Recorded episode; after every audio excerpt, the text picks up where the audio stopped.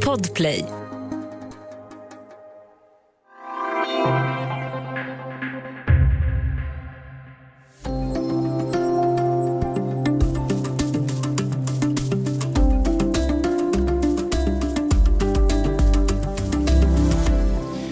Klimatförändringarna i Arktis går så snabbt att avisningen redan nu påverkar maktbalansen i världen och det internationella intresset för att delta i svensk militär utbildning där soldater får lära sig strida i kyla och mörker är större än någonsin.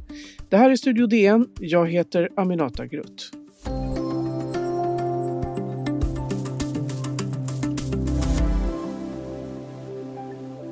Arktis har ju stor betydelse, framförallt genom klimatförändringarna. Eh, ishaven smälter och därav har man ju ett intresse av att kunna uppträda i, i den här miljön. Och framförallt i Sverige, vi har ju stor tillgång till stora övningsområden här uppe. Det är väldigt orört både i luftrummet och på marken. Ja, den som blev intervjuad här om det ökade militära intresset för Sverige var Carl-Johan Olofsson som är övningsledare för en pluton jägare från Arvidsjaur. Och med oss i Studio DN idag så har vi de som har intervjuat honom. Det är DNs reporter och politiska kommentator Eva Stenberg. Välkommen! Tack så mycket! Och DNs fotograf Lotta Herdelin. Välkommen! Tack! Eh, ja, men ni har ju varit uppe och deltagit i en manöver här med två jägarplutoner från Arvidsjaur. Eh, innan vi går in på det så ska jag be dig Eva berätta vad är det som är på väg att hända egentligen med området runt Arktis? Ja, det är egentligen två saker eh, som klimatförändringen har utlöst. Man, man, måste ju ta med sig här att Arktis det kallas för klimatets ground zero därför att uppvärmningen går mycket, mycket snabbare där. Det går mer än dubbelt så snabbt vid polerna. Och det leder dels till att ett nytt hav, fem gånger så stort som Medelhavet, håller på att öppna sig. Och det gör det möjligt att segla mycket snabbare från Stilla havet till Atlanten med nya farleder. Det gör det lättare och billigare att ta upp stora råvarutillgångar som finns där, mineraler, fisk, olja, gas. Men det påverkar också direkt de militära förhållandena därför att Rysslands baser som har skyddats och deras eh, ubåtar som har skyddats av den här isen skyddas inte längre. Och det leder i sig till en upprustning. Så att de här sakerna, att det blir mer maktpolitiskt intressant med ett nytt hav och tillgångar och att det ändrar så att säga de militära förhållandena. De samverkar och gör att Arktis har blivit ett mer spänt område än vad det varit de gångna 30 åren. Mm. Varför kändes det viktigt då just besöka de här jägarplutonerna?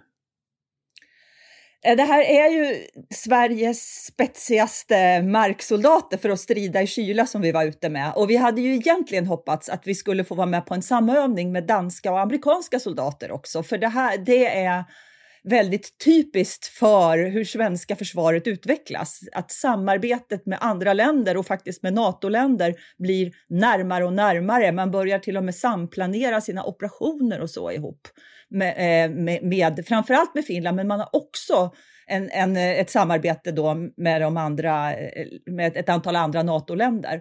Och vi hade ju så gärna velat se eh, det här på plats, hur man stred och också hur man samverkade. Sen tackade både Danmark och USA nej på grund av covid ganska sent. Men Lotta och jag bestämde oss för att vi skulle ta oss upp dit och försöka förstå vad det egentligen innebar att verka som militärer i ett arktiskt klimat.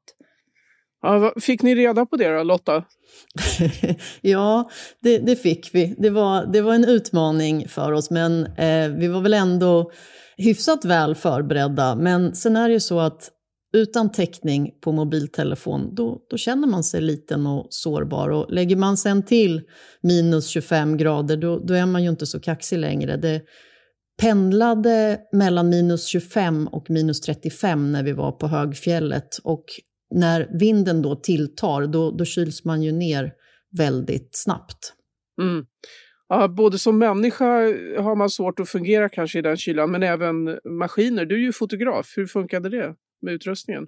ja, eh, man måste vara väldigt uppmärksam på hur kroppen reagerar när man är i en sån här kyla, därför att eh, det går väldigt snabbt till att man förfryser både fingrar och tår.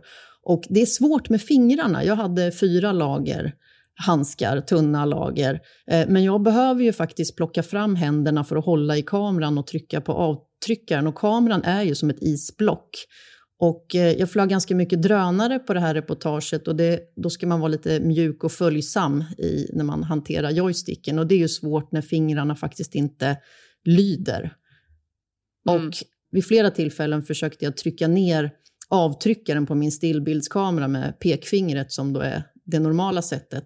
Men det fungerade inte och då prövade jag med långfingret och det fungerade inte heller. Och inte heller ringfingret och då fick jag till slut trycka av några bilder med, med lillfingret.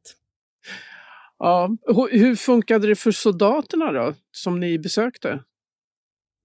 De är ju, det är precis det här de är tränade för, men eh, det, det är ju såklart en utmaning eh, även för dem och man, man måste ju liksom ha respekt för, för det här, eh, den här miljön. Det, det, är en svår miljö att verka i och det är därför också det är intressant att vi nu besitter den här kompetensen och till och med då lär ut den till andra länder. Vad vi lärde oss och såg från dem framför allt var att de tog inga risker när det gällde kylan, alltså att inte bli nedkyld. Man, man tänker när man kommer ut, här är spetsiga soldater, så tänker man att det ska handla om teknik och vapensystem och sådär. Men där uppe på fjället, det handlar ju väldigt mycket om att hålla sig varm om fötterna och om att ta sig fram i väldigt svår terräng. Vi åkte skoter över Eh, fjällsidor där stenarna hade blåsts fram av vinden och man tänkte att det där det är inte möjligt, man kan inte ta sig fram där. Men det visade sig att, att det kunde man, precis som det, det då gick att hålla sig varm. Vi träffade ju då soldater som låg två och ett halvt dygn ner i ett tält dolda bakom en sten på fjällkanten för att spana och de eh, de hade ju inte några kaminer eller värmekällor utöver det lilla köket de kunde koka vatten på. Men, men de klarade sig ju genom att vara väldigt noggranna med utrustningen, att alltid följa sina rutiner, att inte chansa på någonting. Så lyckades de hålla varandra varma då, eh, under de här två och ett halvt dygnen. Eh, och, eh, ja, de, de tyckte dessutom att det, det, där var inte någon av de svårare övningarna de hade upplevt. Det hade varit kämpigare när man dessutom var tvungen att vara tyst hela tiden. Mm. Och det är den här kunskapen då som, som så många länder är intresserade av. Det är inte bara USA och Danmark utan många fler, eller hur? Ja, jag hade kontakt med Försvarets vinterenhet, heter det. De utbildar alltså eh, militärer, både från Sverige och från andra länder. Då. Men de har en internationell enhet och då, där säger chefen att eh, intresset är vansinnigt, kallar han det. Det har ökat med 300 procent sedan 2016, de som vill komma hit och, och öva. Eh, och, och de som får komma, det är de länder som Sverige samarbetar med. Det är de nordiska länderna, USA, Tyskland, Nederländerna, Frankrike och Storbritannien framför allt, som har mm. varit uppe och utbildats. Mm. Om vi återvänder till det här lite större perspektivet då, hur ser det storpolitiska maktspelet runt Arktis ut? Jag har ju följt nyhetsflödet ganska noga de här veckorna då när vi har varit där uppe. Om man bara tittar nu på sista månaden, det har hänt väldigt mycket och ett litet axplock är att USA för första gången har placerat tunga bombplan i Norge som flyger över Arktis och övar tillsammans med skandinaviska länder. Kanske med Sverige, det är sekretess, det vet vi inte. Eh, och Ryssland meddelade samtidigt då, att, eller strax efter, att de ska göra ett stort robottest mellan Nordkap och Svalbard, alltså mellan norska Svalbard och norska Nordkap. Så ska de testa någon slags robotar. De har inte talat om exakt vilka och det borde väl pågå ungefär nu. Eh, Ryssland har också kommit, det har kommit två nyheter om att de har öppnat nya flygfält på Novaja Semla och allra längst ut på Frans Josefs land, det är norra ishavet. Eh, öarna, eh, där man bara har läst om i polarhistorien och naturintresserade nästan. Det bor inga människor där, men nu finns det en flygbas där. Eh, och, och, det har också blivit känt att Danmark ska satsa en och en halv miljard danska kronor på ett övervaknings och kommunikationssystem för Arktis. De ska flyga drönare över Grönland från en bas och de ska ha en återöppnad radarstation på Färöarna igen. Mm. Och det, det, kommer fler. Så det, alla de här åtta arktiska länderna satsar i det här området, allihopa. Och Sverige gör det ju också i sitt försvarsbeslut. Sverige ökar ju försvarsbudgeten 40 procent och eh, bland annat de här Arvidsjaurjägarna där vi då träffade bergsmästaren och kaptenen Carl-Johan Olofsson. Eh, ska ju, han ska ju få ett regemente nu, eller de ska ju få ett regemente. Eh, eh, nu är det ju en bataljon som är placerad i Arvidsjaur som lyder under regementet i Boden, men det ska bli ett eget regemente och det ska bli i princip dubbelt så stort. Eh, så att även Sverige satsar norrut. Ja, vi ska strax prata mer om hur klimatförändringarna förändrar Sveriges position på kartan och eh, militärt. Eh, vi är alldeles strax tillbaka.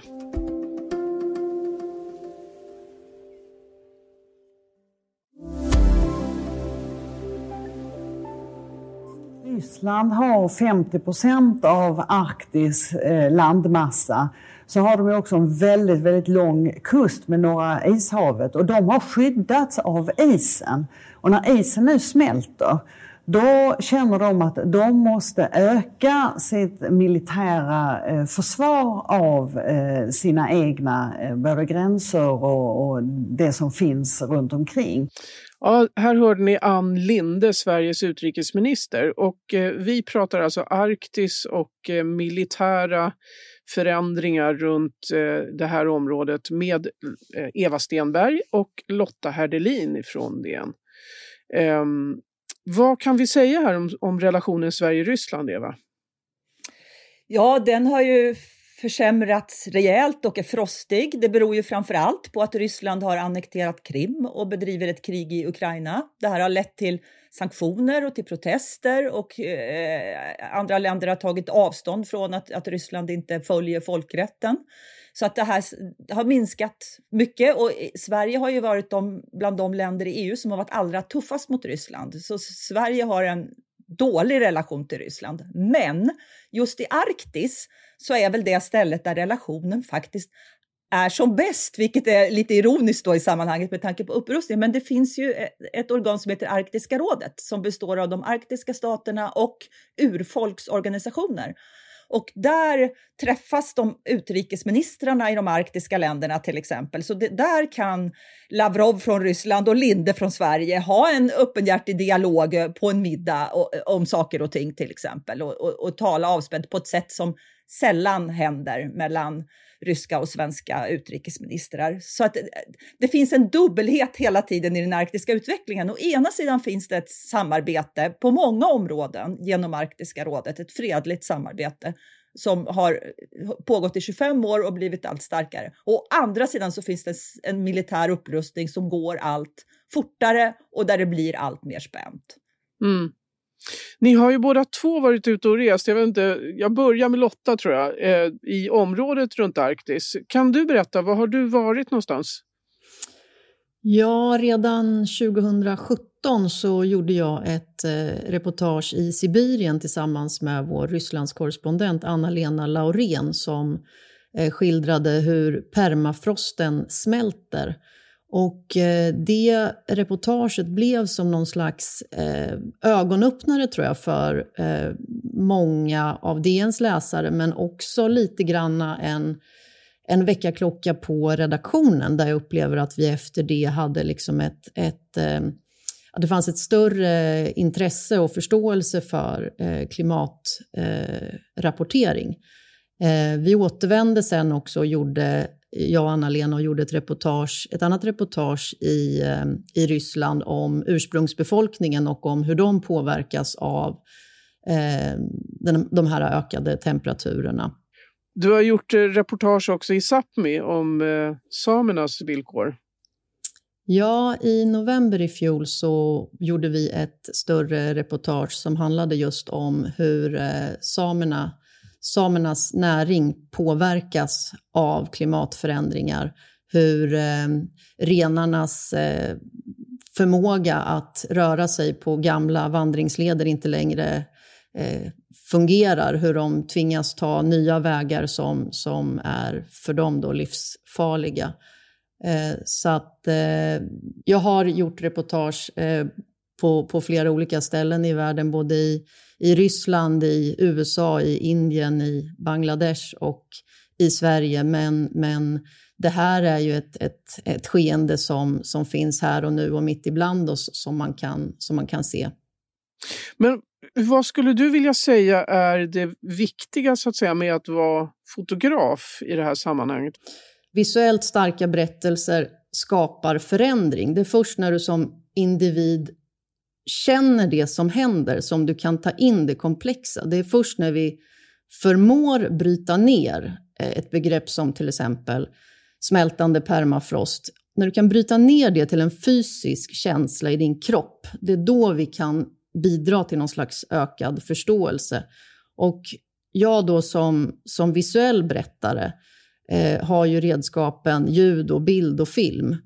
Och, och just ljud, bild och film har den förmågan att, att göra det. Eh, så, att, så att därför är inte bara jag utan hela DNs eh, visuella desk eh, viktig. Ja, och du Eva, du har ju också varit ute och rest. Du har varit med norska marinen, även om det är länge sedan. Du besökte norska gasfältet Snövit. Eh, vad har förändrats sedan dess? Det har blivit mer spänt i korthet. Eh, det hade hänt saker redan då. Ryssland hade placerat en flagga på Nordpolen bland annat. Spänningen hade ökat lite i ishavet, men norska marinen de skrattade ganska gott åt det där när jag sa att det är ju så militärt spänt här. De hade övningar med ryssarna. En av officerarna ombord hade varit eh, och hälsat på sina ryska kollegor och där fick han dricka en skål för vänskapen, en för kvinnorna och en för Putin med vodka, vilket han var artig nog att göra, för det var traditionen, sa han. Eh, så det var en bild av E, e, ett, en, en, ökad spänning då, 2008, men samarbetet var fortfarande det dominerande där. Eh, även om det samtidigt som jag var ombord på det där fartyget tillsammans med fotografen Magnus Hallgren då, så gick det ju stora ryska jagare uppe vid Svalbard och eh, de hade börjat flyga ganska aggressiva flygningar ut med norska kusten och sådär. Så att det började hända. Men det var precis då spänningen startade, så det var därför, eller ja, alltså byggdes upp då, 27, 28.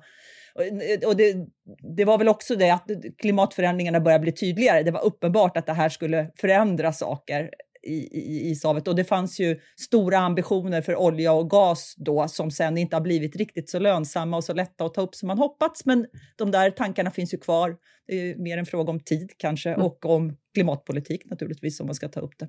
Ja. Och, men, och hur påverkar det Sveriges tidigare traditionella position som något slags neutral buffert här mellan öst och väst? Att Arktis och Östersjön har börjat ses som ett sammanhängande så här militärstrategiskt område. Ja, den där traditionella positionen, den kan vi glömma fullständigt. Den, den finns inte längre. Sverige är allt annat än neutralt. Vi samarbetar ju väldigt nära Nato. Eh, till exempel så ska USA vara med nu i de här flygövningarna som sker ofta mellan flygvapnen i Norge, Danmark och Sverige. Eh, och eh, vi såg ju på den här övningen, de, fem, den, den, de har hållit på i fem år tidigare då, den här övningen som kallas mig som Lotta och jag var på. Och då har det ju varit soldater från NATO-länderna med hela tiden. Eh, själva eh, scenariot, en övning var ju ett scenario. Det var att det kom in fientliga soldater utan att ha förklarat krig, tog sig i smyg in och började bygga baser i svenska fjällen för att hindra soldater västerifrån att komma Sverige till hjälp. Alltså, det är där Sverige befinner sig nu. Eh, och det har också en del med den här geopolitiken att göra med att det, det blir mycket mer spänt norr om Sverige och det är mer spänt öster om Sverige efter eh, Rysslands annektering av Krim framför allt. Så att det är ett helt nytt läge kan man säga. Mm. Vi har fått en, en helt annan och mycket mer oskyddad position då kan man säga, eller? Ja, det, det kan man säga. Mm. Fast samtidigt så försöker då Sverige bygga upp ett samarbete och rusta upp i det här. Sverige har från ju ha satsat på ökenuniformer och djungelkängor och internationella insatser så har vi nu istället hamnat i ett område som blir mer och mer spänt och där Sverige då lägger all sin försvarspolitiska energi nästan eh, på hemmaplan och i norra Sverige som man ju avvecklade väldigt mycket i när Berlinmuren hade fallit och, och eh, de militära hoten minskade, Sovjetunionen upplöstes. Mm. Och nu ska det bli regementen med jägare helt enkelt där uppe i norr, i Arvidsjaur, ja. var det så? Mm. Ja, det finns också en diskussion om att i nästa försvarsbeslut öppna eh, jägarregementet i Kiruna igen. Så att, och de regementen, de andra nya regementena ligger ju också till det, alltså i norra Sverige, de satsningarna. Mm. Hur lång tid tar det att planera ett sånt här jobb egentligen, Lotta? Det här reportaget planerade jag under kanske, jag började jobba med det här reportaget för kanske två, drygt två år sedan. Då handlade det mer om att jag hade läst om hur amerikanska eh, och ryska framförallt eh, militären eh, tränade i arktisk miljö till följd av klimatförändringar. Och då hade jag samtal med vår eh, korrespondent i USA kring hur skulle man kunna eventuellt eh, eh, beskriva det här från, från Alaska. Jag hade diskussioner med vår korre i eh, Ryssland, Anna-Lena Laurén, om hur vi möjligtvis skulle kunna bevaka det här Eh, via Ryssland. Eh, och sen så pratade jag och Eva väldigt tidigt om hur, hur Sverige agerar och vad som händer här. Och Eva eh, var redan på de här frågorna och hade funderat och hade, hade liksom tankar och idéer. Så, så vi liksom spånade under kanske ett och ett halvt år eh, innan det liksom verkligen kom till ett, ett skarpt läge där vi kände att nej men nu, nu, har vi, nu har vi tillräckligt på fötterna för att föreslå det här för, för eh, en redaktör. Eh, och i vanliga fall, jag, jag kanske Eh, föreslår 20 fördjupningar om året eh, och, och, och, gör kanske tre av dem. Så det, det är lite grann så, skam, skam den som ger sig. Tack så jättemycket för att ni var med i Studio DN. Lotta Herdelin, fotograf för DN och Eva Stenberg, reporter och politisk kommentator. Tack. Tack. Studio DN görs för Podplay. Producent Sabina Marmelakai, exekutiv producent Augustin Erba, ljudtekniker Patrik Miesenberger, teknik Jonas Lindskog, Bauer Media och jag heter Aminata Grutt.